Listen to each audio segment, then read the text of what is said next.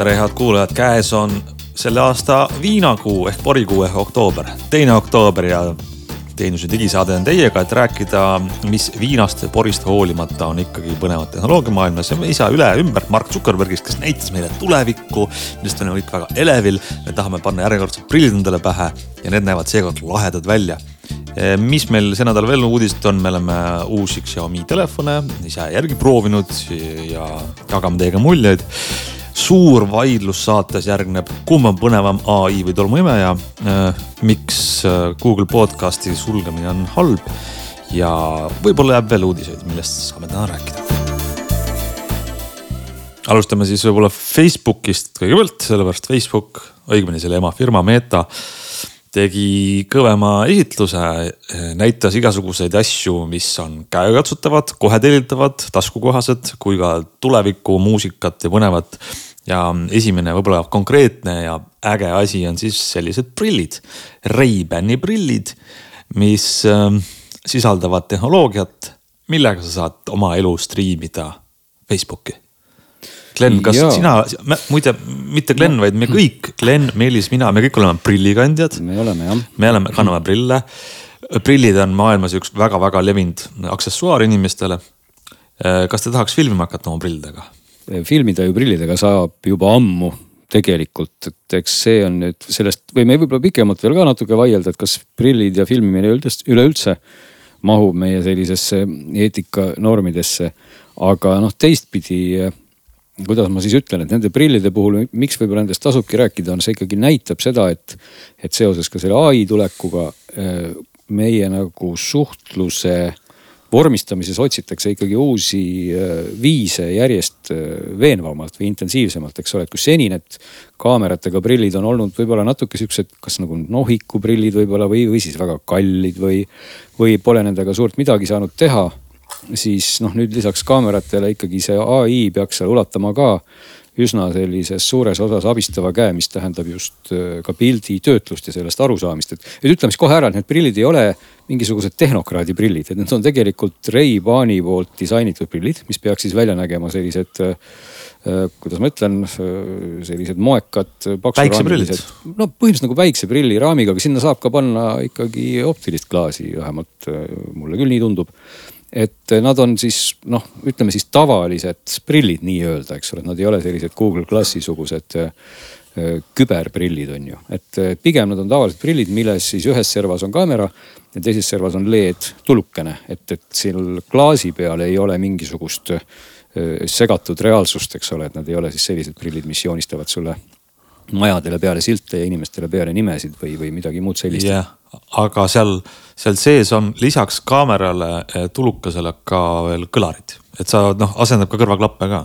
just ja kusjuures noh, ei ole nüüd ise keegi eh, pannud neid prille omale nina peale ja ei ole aru saanud, kui head need on, aga esimesed arvamused vähemalt on küll olnud üla, üllatavalt ülivõrdesed. mina olen kunagi proovinud Bose, Bose'i äh, selliseid ka, noh, ma ei tea, kas võib nimetada nutiprille, aga, aga nende, nende mõte oligi see, et seal on siis sees ainult kõlarid ja, ja lihtsalt see prillikandjal, siis sa saad kuulata oma asju, ilma et sa peaks siis mingisuguseid äh, nuppe kõrva suruma, aga need kõlarid seal noh, pehmelt öeldes jah, jutusaadete jaoks võib-olla hea küll, aga ega suurelt muuks mitte, et, et nende prillide puhul vähemalt tundub siin teiste arvamuste põhjal, et tahaks neid küll proovida, et kõlarid pidid olema väga head, et seal on ka veel suur hulk mikrofone, viis mikrofoni. mis peaks siis väga hästi aru saama, noh eristama loomulikult kõnet, siis rääkija kõnet teiste kõnest ja, ja mürast ja kõigest sellest. et selle audio poole peale on, on pandud kõvasti rõhku. aga tead, see heli pool on sellepärast juba äge, et vaata ähm, ma nagu, me nagu raamistame seda nii, et kõrvaklapid on pandud prillide sisse. aga mida inimesed kõrvaklappidega teevad, on muusikat kuulavad, vaatavad filme, sarju ja võib-olla räägivad.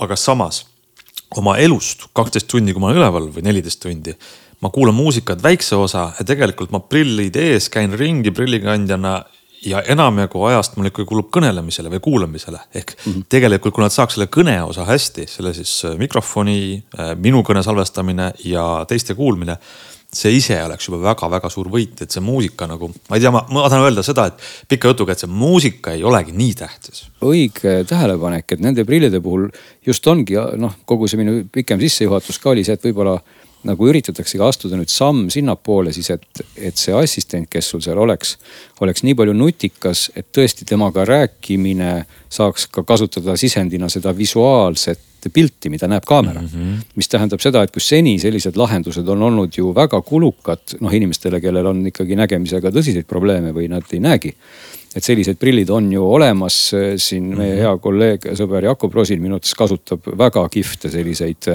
küberprille nii-öelda, mis on võimelised siis tuvastama autonumbreid ja, ja, ja erinevaid asju ja neid ette lugema, aga need maksavad ka neljakohalisi summasid. et tegelikult nende prillide hinnaks ikkagi on välja öeldud praegu siin alates kolmesajast dollarist.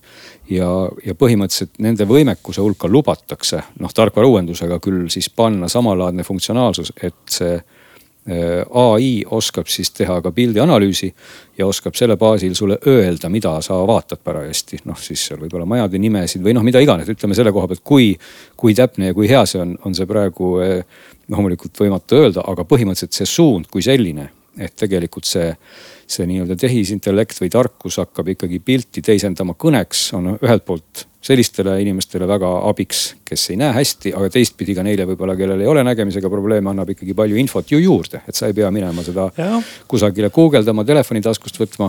aga muidugi, kui, kui me nüüd räägime sellest kaamera poolest üldse muidugi see koht nagu privaatsuse mõttes tekitab ju alati küsimuse, eks ole, et noh, ma nüüd lähen kusagile, kus justkui öeldakse, et pange telefonid ära ja siis mul on sellised prillid ja ma vahin seal ringi ja kõik talletub, et, et seesama LED, mis seal siis teisel pool, ühel pool on kaamera, teisel pool on tuluke, see väidetavalt põleb punaselt ja väga eredalt ehk siis, kui sa lähed kui... teatrisse või kinno ja öeldakse, pange telefonid ära, aga sinul otsa ees tuluke põleb, siis seda on näha pimedas saalis. ja, ja, ja ütleb ka siis vähemalt mm -hmm. peaks olema nii, et kui sa selle LED-tulukese näiteks kinni teibid, siis ka katkeb salvestusfunktsionaalsus nii et eh, noh, vot seda tahaks näha, eks ole, sest kindlasti inimestel tekib võib-olla sportlik huvi minna kuhugi ja see tuluke sealt kuidagi ära elimineerida, aga noh, selle peale nagu natuke vähemalt mõeldud, aga muidugi videot saab siis salvestada nendega, sisemällus on kolmkümmend kaks gigabaiti, saab salvestada tegelikult kuuekümne sekundilisi klippe.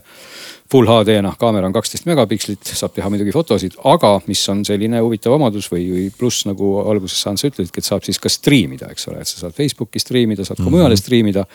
ja striimida võid põhimõtteliselt siis nii kaua, kuni seal prillides jaksu jätkub, et aga küll striimimisel vist öeldakse, et aku peab seal kõigest mingi poole tunni jagu vastu, et muidu see aku peaks tavakasutuses olema kuuetunnine, kui sa seal palju möllad, neli tundi umbes, nii et sealt natuke tekib mul see järgmine küsimus, et sellised prillikandjad, noh, ma ei tea, kas neil peaks kaks paari olema või et, et noh. no muidugi, sa vahepeal käid oma prille laadimas kuskil või? ma lähen oma prillidele autolaadijat ostma, et saaks nagu vahepeal laadida. ja, et kogu aeg on juhe taga, et laadida saab neid karbis. läheb pähe.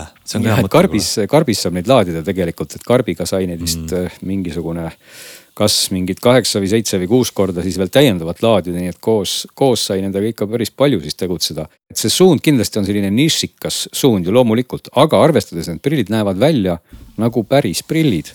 ja kui inimesel juhuslikult ongi võib-olla samalaadsed prillid, siis tegelikult prilliraamid ilma kaamerata, mis on samasugused, noh maksavad ju peaaegu sama palju et, et no, seal no, tekib mul juba küsimus, et, et kui peaks prille uuendama ja sa oled selline inimene, kellel juhuslikult sellised vidinad nagu korda lähevad, siis, siis nagu miks mitte nagu inglise keeles küsitakse, eks ole. no kolmsada dollarit, ütleme siis võib-olla kolmsada viiskümmend eurot on tegelikult äh, iga teismelise sünnipäevakingi eelarveks, ma arvan küll, nii et see, seal on kõik nagu eeldused olemas, et saada massitooteks meenutame, et siis Google prillid äh, kümme aastat tagasi tappis see ära, et, et nagu Google ise sai aru, et ühiskond ei ole valmis tulukesega filmivate prillide jaoks.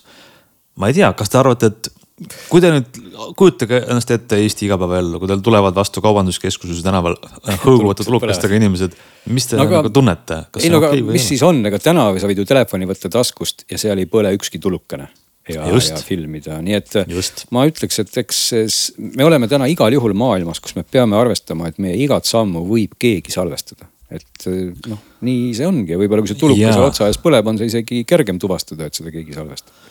pigem on nagu vaja ümber mängida see olukord, et eh, kui sa lähed kuskile, kuidas öelda no nagu ma teatri näite tõin, et palutakse telefonid vaigistada, et me peame hakkama inimestele ka prille vaigistama ja välja lülitama ja, ja see kõlab nagu veidralt alguses, aga, aga see on tegelikult tõsine asi, et, et kui sa vaatad, et keegi prillidega on siin, siis me tegelikult võiksime eeldada, et mine tea, kas seal sees on nüüd kaamera või ei ole jah, ei no kindlasti on ju olemas, et me ei tasukski, ütleme, ei tasuks siia kaamerasse kinni jääda, nagu ma ütlesin, on olemas, mitte isegi kindlasti, vaid ongi olemas lihtsalt selliseid kaameraga prille, mida saab sealt Hiina poolt eh, tellida tegelikult kamaluga, mis filmivad no, ilma igasuguste tulukesteta.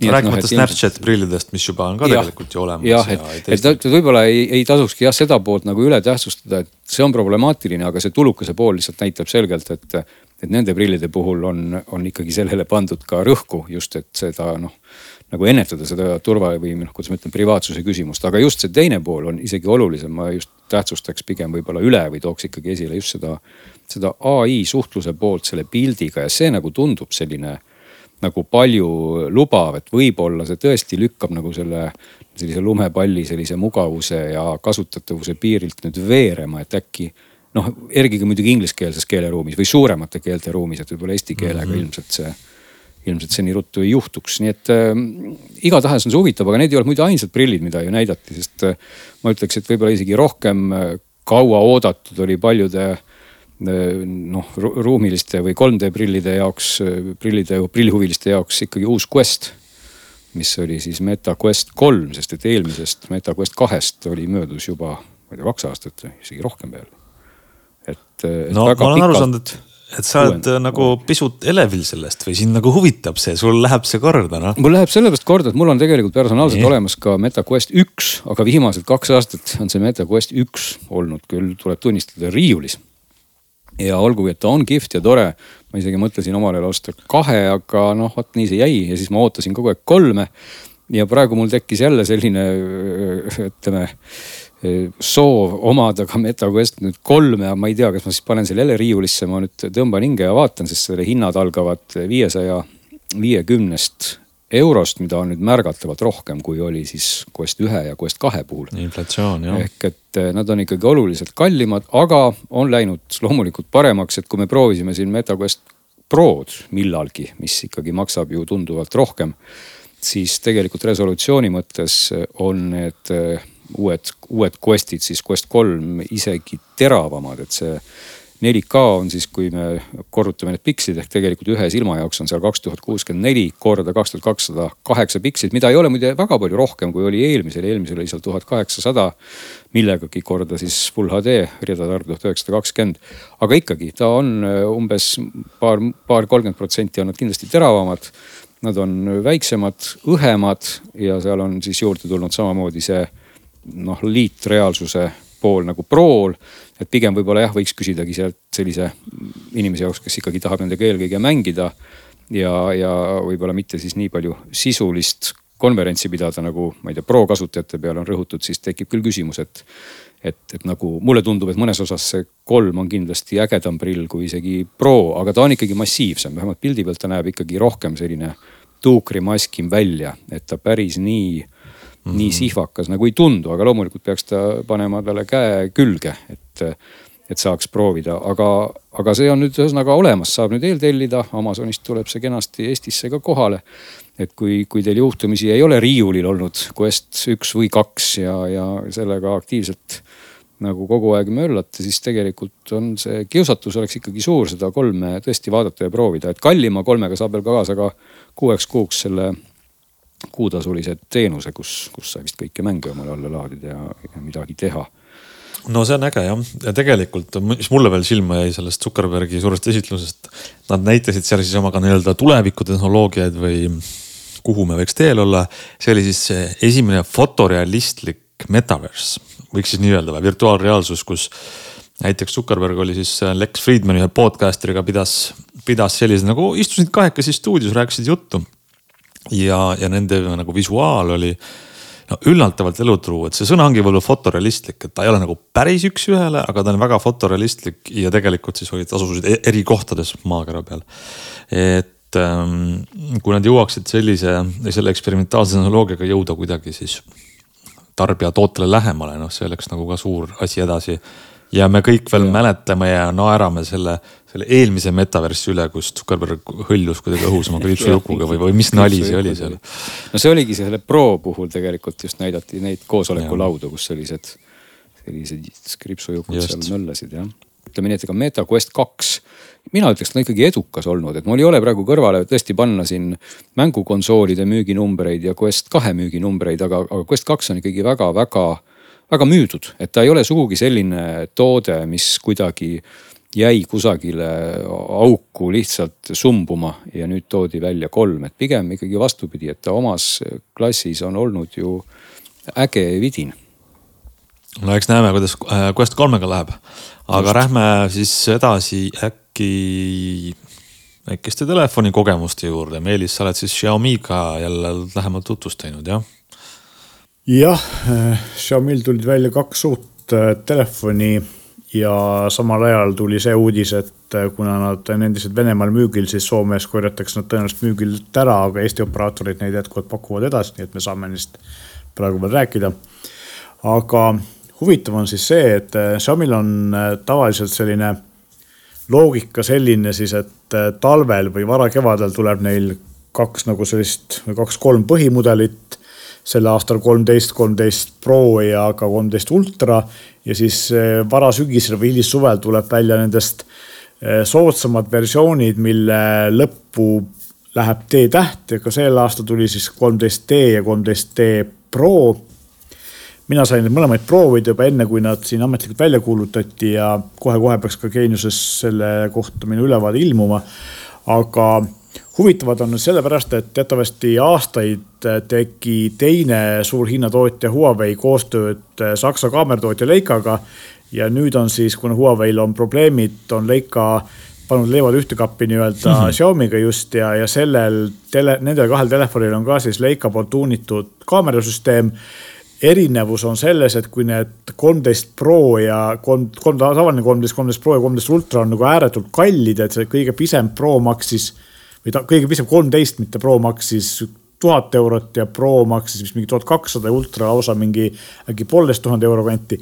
siis need uued telefonid on odavad ja seal on tehtud mõningaid kompromisse, aga kõik need kompromissid ei ole üldse mitte halvad. põhiline asi, mis on puudu e e võrreldes eelmise, eelmiste mudelitega on siis see, et ei ole praegustel mudelitel e, juhtmevaba laadimist mis on aga lisatud, on peegliefekt ehk siis see, need kaks mudelit, mis minul testis olid mm, -hmm. olid äh, sellised klaasist musta värvi klaasist tagumise küljega, mis oli tohutu, esiteks tohutu sõrmejäljemagnet. ilmselt kõige rohkem sõrmejälgi külge võttav telefon, mida mina kunagi näinud olen. ja teiseks ongi siis see, et see klaas oli nii läikiv, et ma põhimõtteliselt võisin sealt ennast nimetada, kui ma tahtsin, et ta oli nagu nii läikiv, et ma pole ka nii läikivat kunagi näinud. mitte, et see oleks kuidagi on... seotud juhtumava laadimisega ei ole, ei ole, lihtsalt see on lihtsalt see, et nad, äh, nad lihtsalt on suutnud teha selle väga libedaks, läikivaks ja ma ei saa aru, miks, eks ole mm. -hmm. no korraks lihtsalt segan vahele sellise, viskan väikse nostalgiakillu. kui te mäletate, siis Sony Xperial kunagi oli mingisugune mudel, mis oli väga suur ja kandiline ja oligi üleni peegel selles mõttes ta oli täielikult peegeldav, ta oligi metallik või nii, et see mm, tagakülg, sa võikski kasutada kasut-, noh, et sa võisidki tagakülge kasutada peeglina, mis ju ei ole tegelikult üldse halb. et, et kui sa mõtled niimoodi tootearenduse seisukohast, miks ei võiks olla sul telefoni tagakülg peegel? sest et. jah, aga sa võid peegli... keerata te telefoni teistpidi, panna tööle selfie kaamera ja ongi sul peegel no seda küll, aga noh, see on ikkagi ja. kaamera, et ma küll mõtleks, et tahad vaadata, kuidas sul nina on puuderdatud, keerad telefoni ringi ja hopsti on see mm. olemas ja samal ajal, kui sa ju selfit teed ja sul seal taga oleks peegel, noh, see abistab ka veel kadreerimisel, nii et äkki tuleks selline telefon meil teha aga jah, et, et äh, ilmselgelt noh, Xiaomi nende mudelite puhul ei olnud see taotluslik, vaid juhtus nii-öelda poolkogemata.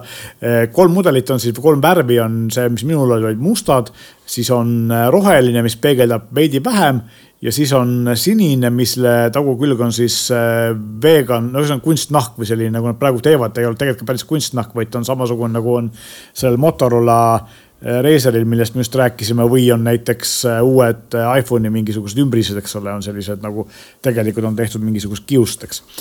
ja no kõige naljakam on see, et kui vanasti oli see, et need T-seeria mudelid ja ka tavalised Xiaomi mudelid erinesid üksteist siis näiteks ekraani suuruse ja muude omaduste poolest, siis praegu on niimoodi, et ja kaamerate poolest, et mõlemad need T ja T Pro, kuigi nad on üsna erineva hinnaga on identse suurusega, konkreetselt identsete kõigi omadustega, kõik samasuguse korpusega ja identsete kaameratega. ainus mm -hmm. vahe on kaks, kaks erinevust on, protsessor on erinev. kallimal on Mediateki Dimensity üheksa tuhat kakssada pluss mis on kõige kangem ja on võrreldav siis selle kõige kangema Qualcomm'i protsessoriga.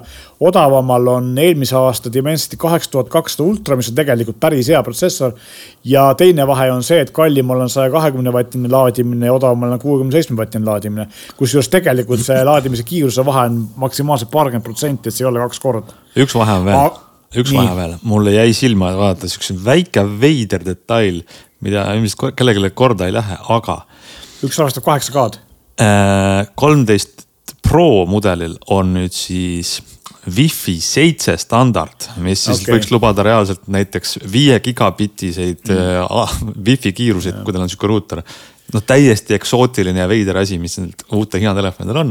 aga näete, kolmteist Proga saab Wi-Fi seitse. no see tuleb, see tuleneb ka, eks ole, sellest äh, siis protsessori omadustest, eks ole, mis toetab mida, on ju. aga jah, et, et üldiselt on nad, kui me räägime nüüd nagu näiteks nendest omadustest, siis, siis tegelikult on see, et, et võib-olla peakski alustama sellest, et see hinnavahe on siis kakssada viiskümmend eurot, et ametlikud müügihinnad on odavamal kuussada viiskümmend eurot ja kallimal üheksasada ja tegelikult on juba Eesti e-poodides näha, et müüakse ka natuke odavamalt ja tegelikult kuuesaja viiekümne euro eest on see odavam mudel väga hea telefon, kui me, kui sulle just ei ole vastumeelne see läikiv tagukülg, eks ole. aga kaamerad on üllatavalt head, see Leica objektiivi tehnoloogia või, või mingi tuunimistehnoloogia on nagu täiesti okei okay.. Nad on, kaamerad on paremad kui sama hinna eest või natukene, natukene kallimal isegi Eh, Nothing Phone kahel, natukene kehvemad kui OnePlus üheteistkümne, millel on siis eh, Hasselbladi logoga kaamerad. Eh, loomulikult on seal siis see Leica poolne tuuning ehk siis on olemas kaks profiili, Leica Vivid ja Leica Natural vist, kui mu mälu mind ei peta, see esimene on selline, et ta tekitab selliste Leica sellist ähm, peegelkaamera efekti, et ta natukene nagu tekitab sellise vanakooli filtri paneb sinna peale. see Vivid on selline täiesti tavaline pilt ja see pilt on tõesti kvaliteetne. Eh, mis on huvitav või noh, ebatavaline nii selle kaamera kui ka paljude teiste Hiina kaameratootjate puhul, samane OnePlus üksteist samamoodi, et nad kasutavad kahekordset optilist suumi mitte kolmekordset näiteks, et mina ütleks, et kahekordsest optilisest suumist ei ole väga palju kasu, et sa saad peaaegu sama hea tulemusega siis seda pikslit crop ides, ehk kuna ta on nelja, viiekümne megapiksline sensor, eks ole, et vähemalt Instagrami väärilise pildi saad sa niimoodi kätte. et tegelikult võiks olla suurema zoom'iga kaamera moodul seal oleks sellest rohkem kasu tavakasutuses. aga noh, kuna tegemist on Hiina tootjatega, Hiinas teatavasti on ülipopulaarne teha selfie sid ja igas, kasutada igast ilufiltreid ja asju, siis ma olen päris kindel, et see kahekordne zoom on just nagu nii-öelda portreefotode tegemiseks, sest et teatavasti viiskümmend millimeetrit on ju selline, klient teab väga hästi, ideaalne portree pikkus, eks ole. ja, ja omal ajal tuli ka just iPhone ju selle zoom'iga välja ikkagi just sellise portree objektiivi võtmes. Just ja siis noh, lisaks on seal tarkvaras ka igasugused muud nii-öelda Leica, Leica lens filtrid, ehk siis saadki teha endale viiekümne millimeetrise või kolmekümne viie millimeetrise ekvivalendi. aga noh, need on kõik sellised kunstlikud äh, digitaalsed lõikamised, eks ole, mida noh, mis tegelikult väga head tulemust ei anna. aga kaamera ise, kui sa mingi filtri peale paned, teeb väga häid pilte. loomulikult teine häda on veel ka see, et, äh, et neil ei ole siis äh,, ei ole siis pandud seda optilist stabilisaatorit ei ole zoom kaamerale pandud, mis tegelikult võiks olla, põhikaameral on. ja lisaks on siis ultralai, ülilai, ultra, mis iganes ta on siis nüüd jah, ülilai nurka. ülilai nurk, jah. jah, just, mul läheb sõnad segamini. ülilai nurkkaamera, mis on ei ole autofookusega nagu enamus ülekaamerad, aga sellest on kaheteist megapiksline, teeb hästi head, noh täitsa korralikku pilti, et kaamerad on selle raha eest väga head, võimsus selle raha eest on väga hea üleüldse nagu noh, selles mõttes, et ta on üllatavalt okei okay telefon. mulle endiselt väga ei istu see Xiaomi MIUI tarkvara, aga see on nagu täiesti maitse asi, et selle kohta ei saa nagu öelda, et kas seda võtta või mitte võtta, et see on, see on maitse asi.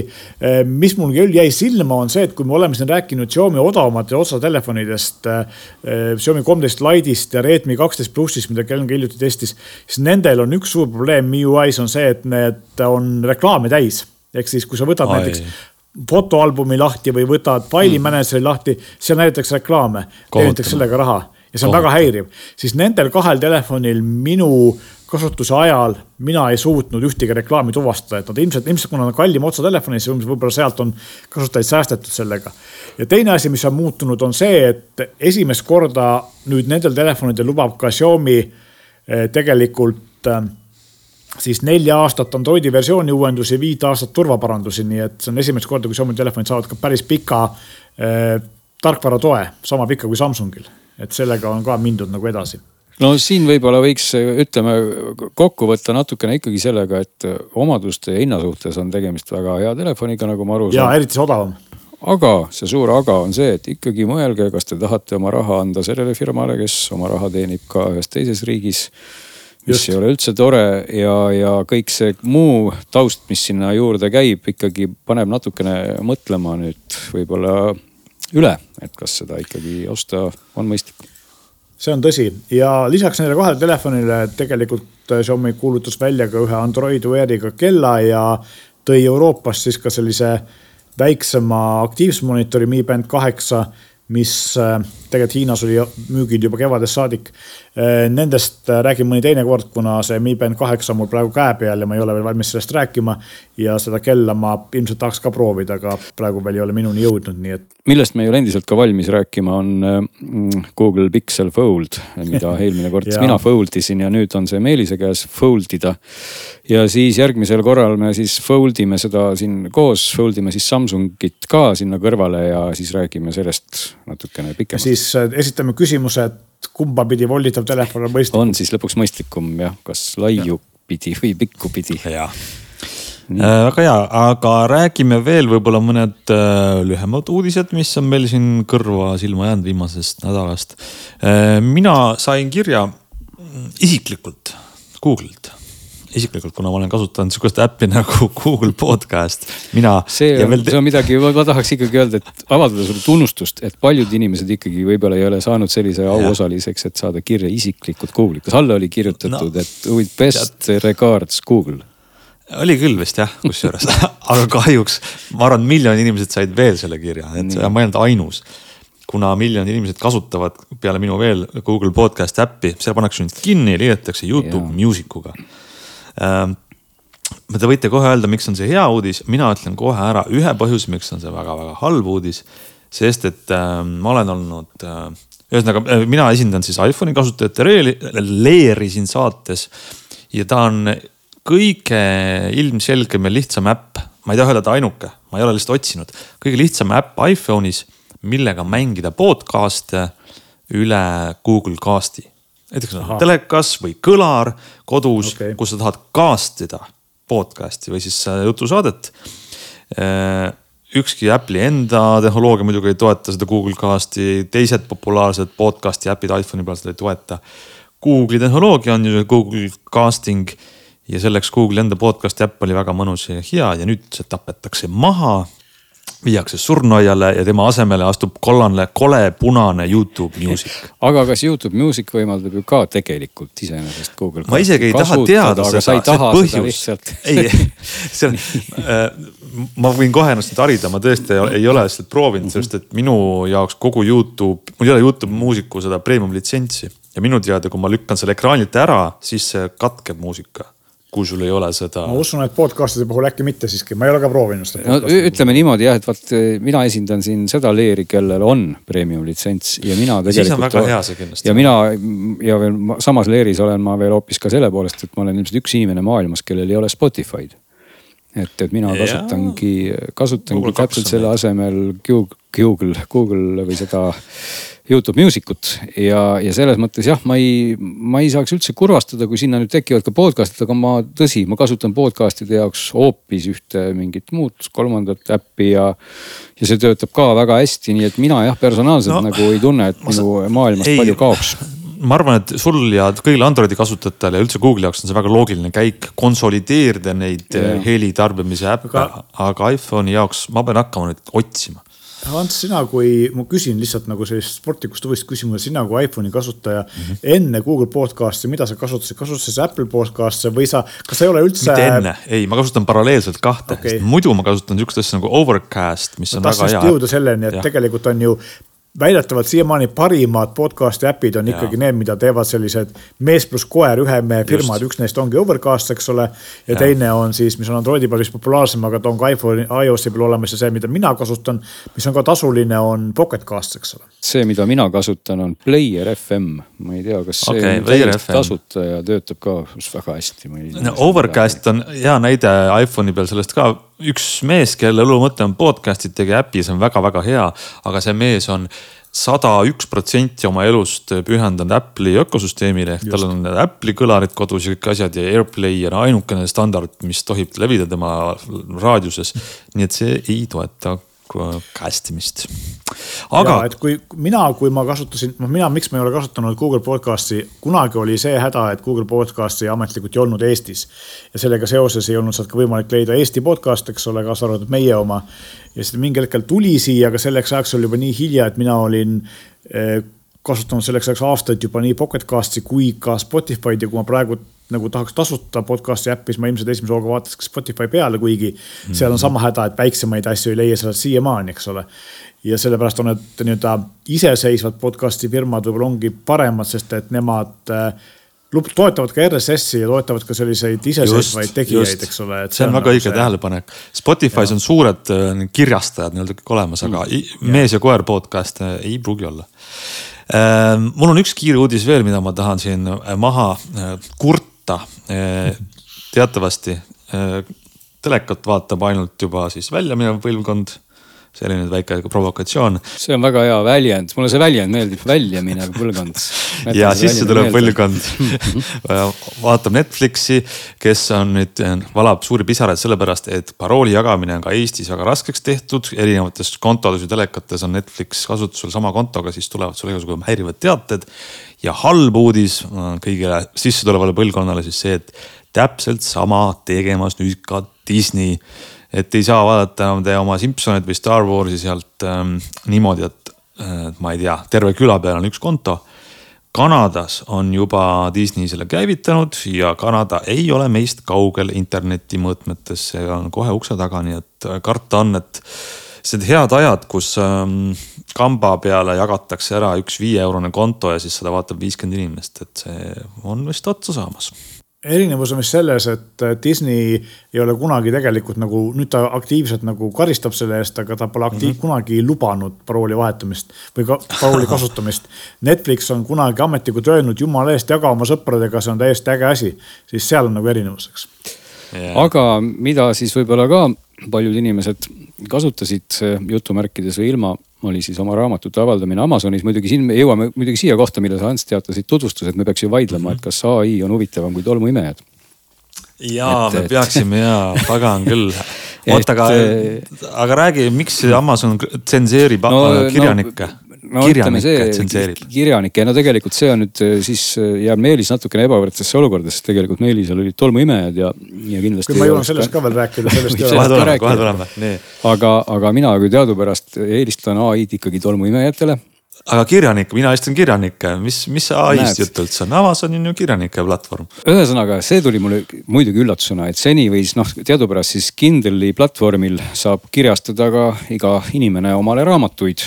noh, ise siis suhteliselt äh, väiksema ja. või, või raskema vaevaga ja siis neid seal avaldada.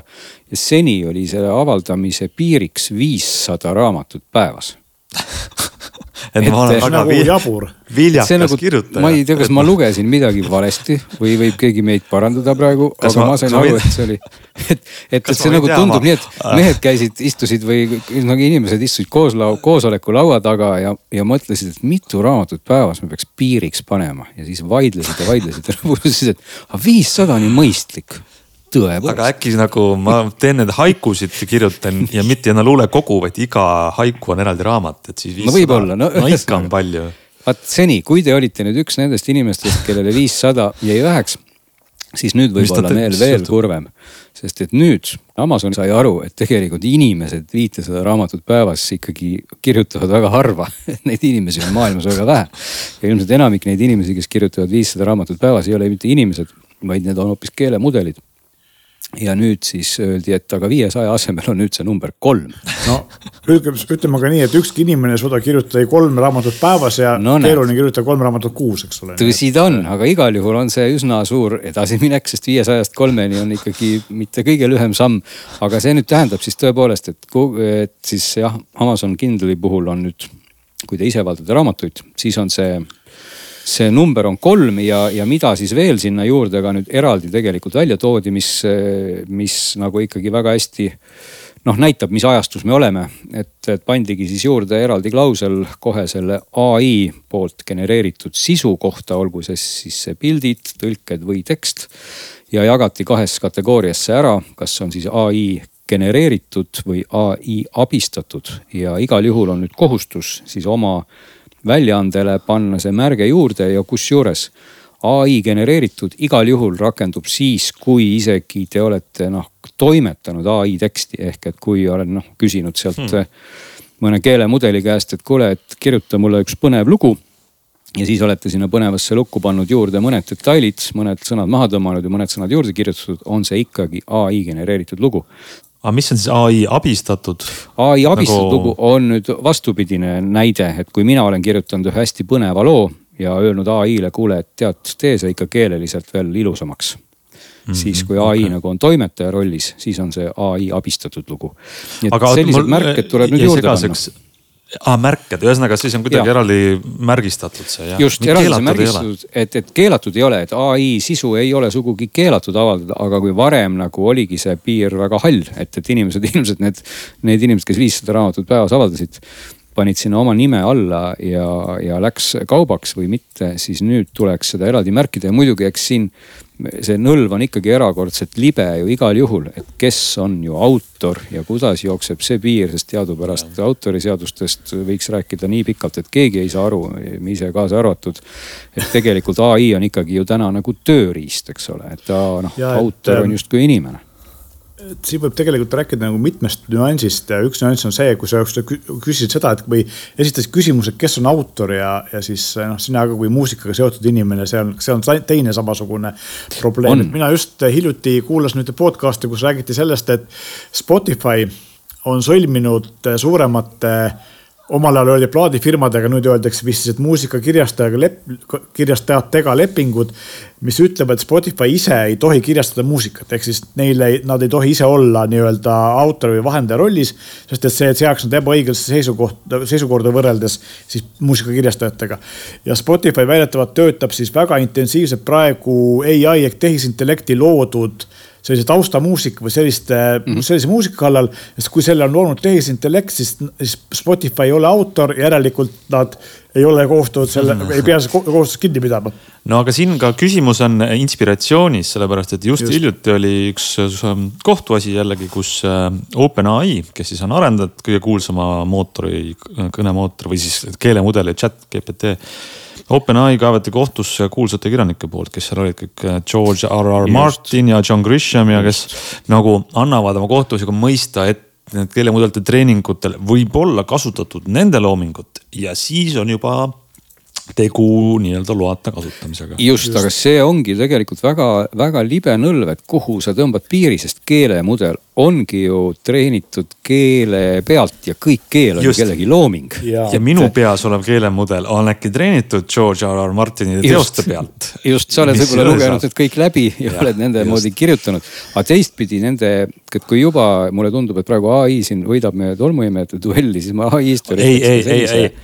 ei võida ma tahtsin öelda, et, et. ei, ei. nii lõpeta, lõpeta ai jutt jah Nii. ja tegelikult mina tahtsin siia juurde lõppu lisada veel selle, et täpselt sama probleem on ka praegu vist lõpuks mingisuguse lahenduse saava Hollywoodi eh, kirjutajate ehk siis nende stsenaariumi kirjutajate ja streigi puhul, eks ole, kus siis täpselt samasugune kahe otsaga probleem eh, kiusab ka neid, ehk siis stuudiod tahavad kahte asja või tahtsid, nüüd on ilmselt sellest loobunud.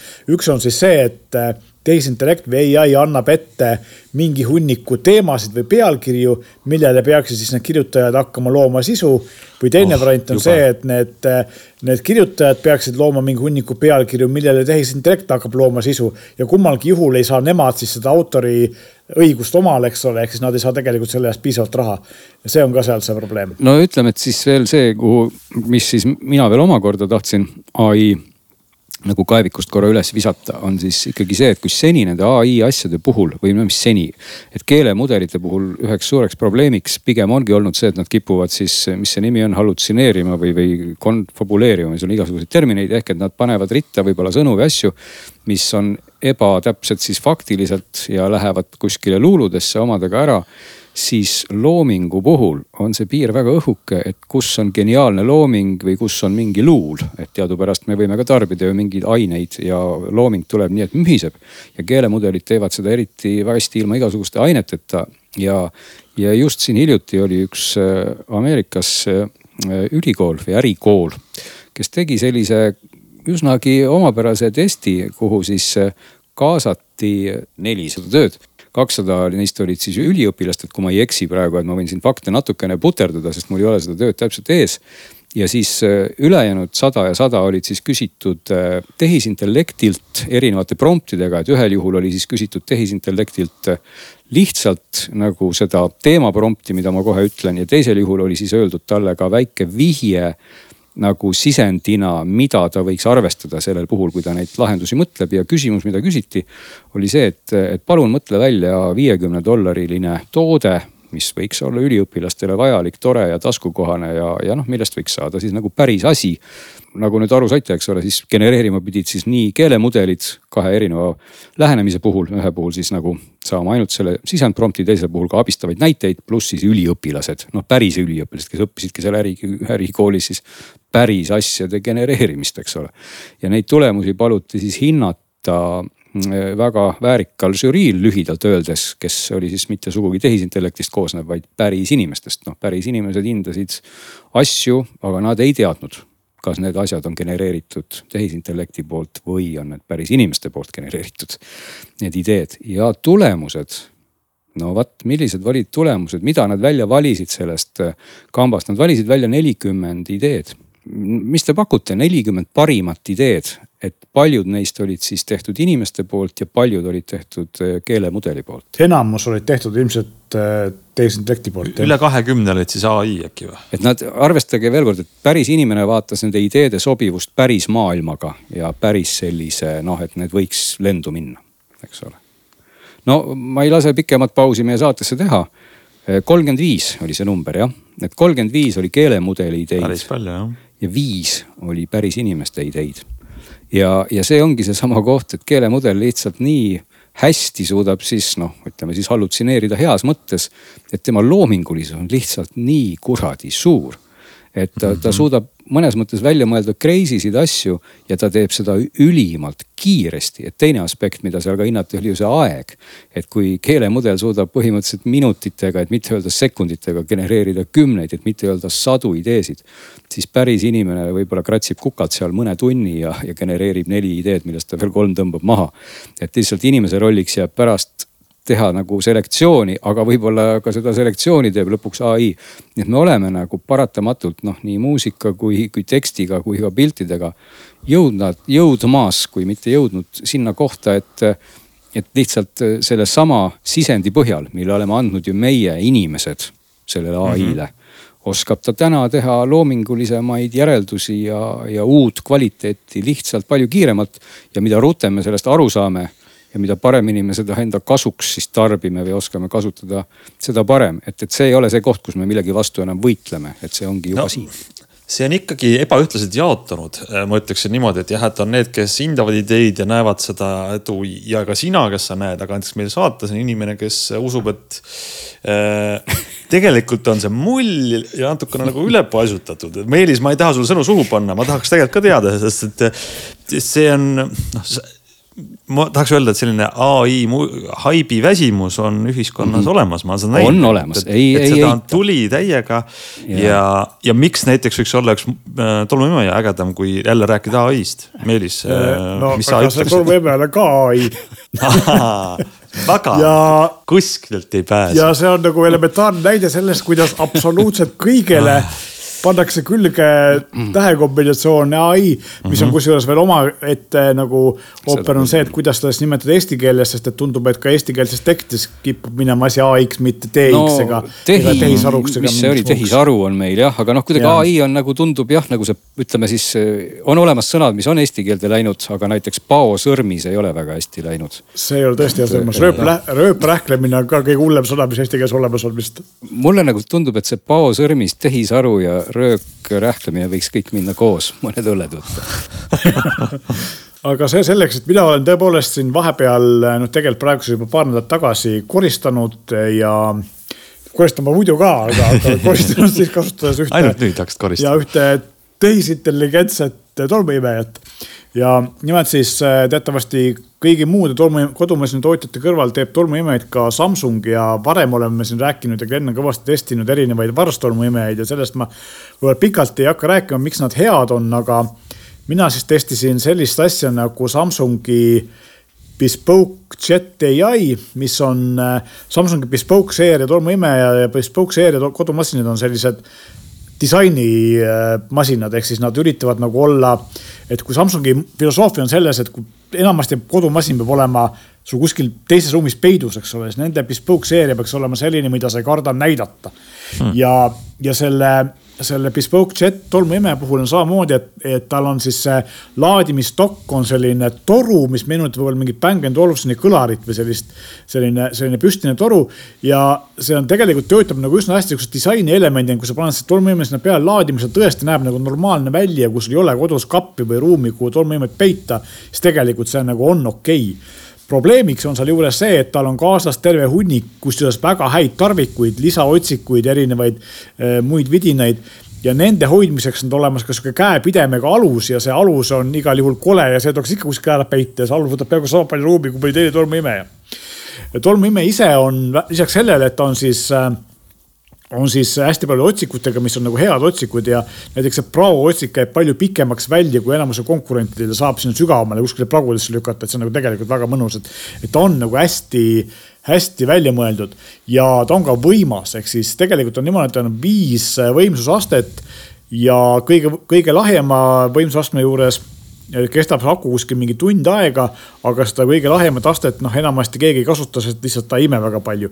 kõige võimsam äh, aste on selline, et ta imeb ikkagi nagu väga vingelt ja ilmselt paremini kui paljud konkurendid. aga siis ta kestab seal noh, viis kuni kümme minutit ja siis on vahepealsed astmed ka neli tükki, eks ole. ja kuhu, kus tuleb mängu siis see tehisintellekt on siis see, et, Samsung ütleb, et neil on siis sees seal ai, mis ähm, saab aru, kui palju on vaja imeda, imeb täpselt nii palju hmm.. ja tegelikult on siis tegemist mingi hästi lihtsa algoritmina, mis tunnetab äh, toru otsast takistust ja siis, kui takistust on rohkem, siis ta saab aru, ahah, et nüüd ma olen vaiba peal või mul on paljud valmu, panen juurde. ja kui takistust on vähem, siis ta mingi hetke pärast tõmbab seda vähemaks, eks ole. eesmärk on siis selleks, et hoida seda äh, tegelikku imemise efektiivsust seal kuskil enam-vähem keskel, mis on selliseks igapäevaseks kasutamiseks nagu mõistlik, eks ole, et. sa ei pea nagu põhja panema, sa ei pea kõige lahemaks panema, ta saab ise aru, hoiab ta kuskil keskmise tugevusega tugevuse juures. ja see on nagu päris hästi töötab, aga noh, see ei ole tehisintellekt, olgem ausad, eks ole, see on lihtsalt nagu lihtne. ja vot see on võib-olla see koht, kus ma tahaks ka veel ikkagi lisada ühe kommentaari, et see tehisintellekti termin kui selline ai see on ikkagi aastaid, see on ju aastaid olnud nii ära lörtsitud, kui üldse saab olla, nii et kui keegi ütleb juhuslikult, et midagi on ai, siis tasuks väga skeptiliselt sellesse suhtuda, kui ai ta siis ikkagi on. ja ai-le lisaks ma tahaks kohe visata sisse teise ägeda välksõna või sihukese lööksõna, mida paljud kasutavad, see on nutikodu. ja sellel tolmuimel on ka lisaks nutikodu tugi, tal on wifi, ta töötab Samsungi SmartThingsi äpiga ja see kõik täiesti kasutav ehk siis, ehk siis tegelikult on point selles, et, et ta näitab SmartThingsi äpis seda, kui palju tal on akulaetust kaua, noh, palju, palju ta veel laeb, eks ole. saab reguleerida seda eh, kui millises, millise režiimi peal see, see tolmuimeja su järgmine kord stokist võttes tööle hakkab, kuigi saad seda ühe nuppvajutusega teha ka masina pealt. samamoodi saad sa iga kell näha masina pealt, kui palju sul akut laetud on, eks ole.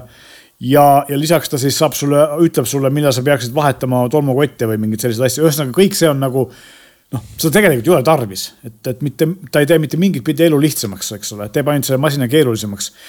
mis on selle masina puhul hea, on see, et selle aluse sees või selle torni, torni sees kuhu peale siis käib laadima see et varrs ise on tegelikult peidus väike paberist tolmukott ja ta tühjendab selle varstolmuimeja sisu sinna tolmukotti.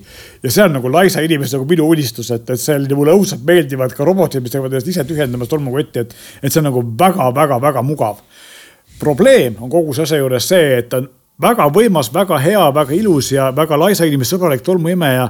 aga selle kõige eest tuleb nagu maksta jaburalt palju, et äh, soovituslik jaehind on sellel tuhat kolmsada viiskümmend eurot, noh Eestis saab ka tuhande kolmesajaga, saab ka tuhande viiesajaga osta. kusjuures Samsung teeb ka eh, mudeleid, millel on olemas mopp aga selle hinna eest sellele mudelile veel moppi kaasas ei ole, sa pead selle veel eraldi juurde ostma, kui sa oled, sa põrandat pesta tahad.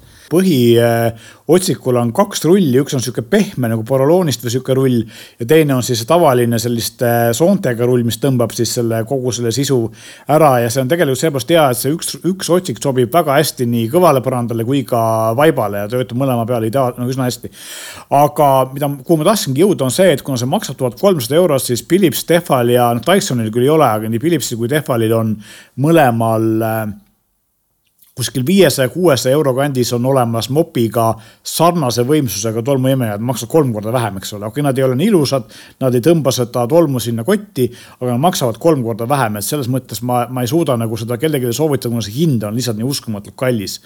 E,. muidugi noh, üks asi, mis on, on veel see, et ma tean, paljud ma Dysoni praegu ei mäleta, kas Dysonil võis ka olla see, et aku ei olnud vahetatav või oli aku vahetatav? ikka, ikka on, aku on ju väljavõetav. päris palju, päris paljudel varstormiimetel siiamaani ei ole akud vahetatav vaatavad. aga selle. ma, saab... ma julgen jääda siin praegu eriarvamusele, sest et vähemalt see test, mis ma tegin viimati digis, see suur test, seal olid kõik vahetatavad akud. okei okay., ma tean, et siin näiteks samamoodi, kui me juba hiinlastest rääkisime, Xiaomi'l ja siin teistel sellistel, kes ka turule trügivad, ühelegi neist ei ole akud vahetatavad hmm.. Samsungil muideks on kaks akut komplektis, et kui ja, sul on suur ja. korter või suur maja, siis sa saad ühe panna mm -hmm. eraldi laadijaga, eks ole, üks on siis doki küljes laeb ja teine on see eraldi laadija kuskil nurga taga ja saad ära vahetada, kui vaja on, samamoodi nagu ma ei tea, akutrellil, eks ole, et see on tegelikult just, äge lähenemine. sest just noh, akutrelli mainides, ega need firmad ka, kelle kelle üheks suunaks ongi ju akutrellid, igasugused muud asjad, noh, kõige ja. tuntum Bosch, eks ole, ja, ja neid on ju küll ja veel. millel siis ka on ju tolmuimejad valikus ja need akud ongi samad, eks ole, et sa saad. ja, et paljud neist teevad tolmuimejaid, enamus neist, enamus neist teevad tolmuimejaid üsna kehvasti. erinevus, eri, eri, eri ja e erandiks ongi võib-olla Bosch, kes on tegelikult lisaks trellitootjale ka kodumasinatootja, kes oskab hästi tolmuimejaid teha, eks ole et tal on kogemus nagu mõlemas valdkonnas. aga jah, et selles mõttes mulle see tolmuimeja väga meeldiks, aga ostma seda ei soovita sellepärast, et lihtsalt on nii kallis, kui on nagu see, et raha ei ole probleemiks ja on vaja tolmuimet, mis tõesti ilus välja näeb ja, ja hästi imeb, siis jumala eest hea tolmuimeja, aga lihtsalt nagu väga kallis no vot, nii et eh, kui tahate, et tolmuimejas on ikkagi ai, siis tuleb kõvasti maksta, võib ütelda selle jutu kokkuvõtteks. ja, nii on, aga ma arvan, et me andsime täna igatahes eh, nii tehis kui tavalistele ajudele ja intellektidele palju mõtteainet. ja, ja kui teil ei ole veel ei, ei ole meie kuulamisest kõrini või meie podcast'ide kuulamist, siis kuulake ka meie teisi podcast'e, et meil on olemas ka näiteks Autotund, kus äh, Tarmo Tähepõld ja Martin Mets räägivad autodest, mida ma ise väga hea, hea meelega kuulan, see saade mulle väga meeldib. ja mänguhuvilistel on loomulikult Puhata ja mängida, kus äh, samamoodi saavad kõik mänguteemad ära räägitud. Äh, sel nädalal nagu salvestame saadet ette, aga on Ülemiste Apollos järjekordne mängude öö ja järgmises mäng, äh, puhata mängida saates kindlasti poisid räägivad sellest, mida nad mängude ööl nägid. jah, no see oli siis, see seda. oli siis ütleme eelmise nädala lõpus, ütleme siis ja. meie kalendrisse vaadates nii. ja muide, kui juba autodest rääkisid, siis ka minul on taaskord au osaleda Eesti autogala elektriautode valiku žüriis, millega seotult olen ma igasuguste elektrikatega proovinud sõita ja parajasti vaatan multifilmiliku välimusega autot nimega Volkswagen ID Buzz mis on siis selle. millest me võime ka tulevikus rääkida. võib-olla võib natuke rääkida, see on see päris kummaline aparaat, mis on siis selle hipibussi elektrifitseeritud versioon, nii et äh, võime ka meie võib-olla mõnikord tõesti nendest digitaalsetest autodest ka rääkida, aga neid teisi saateid igal juhul tasub kuulata. ja, et kui te tahate teada teistest digitaalsetest ja vähem digitaalsetest autodest, siis kuulake Autotundi. ja meie ütleme ka siit tänaseks teile aitäh ja oleme tagasi nädala aja pärast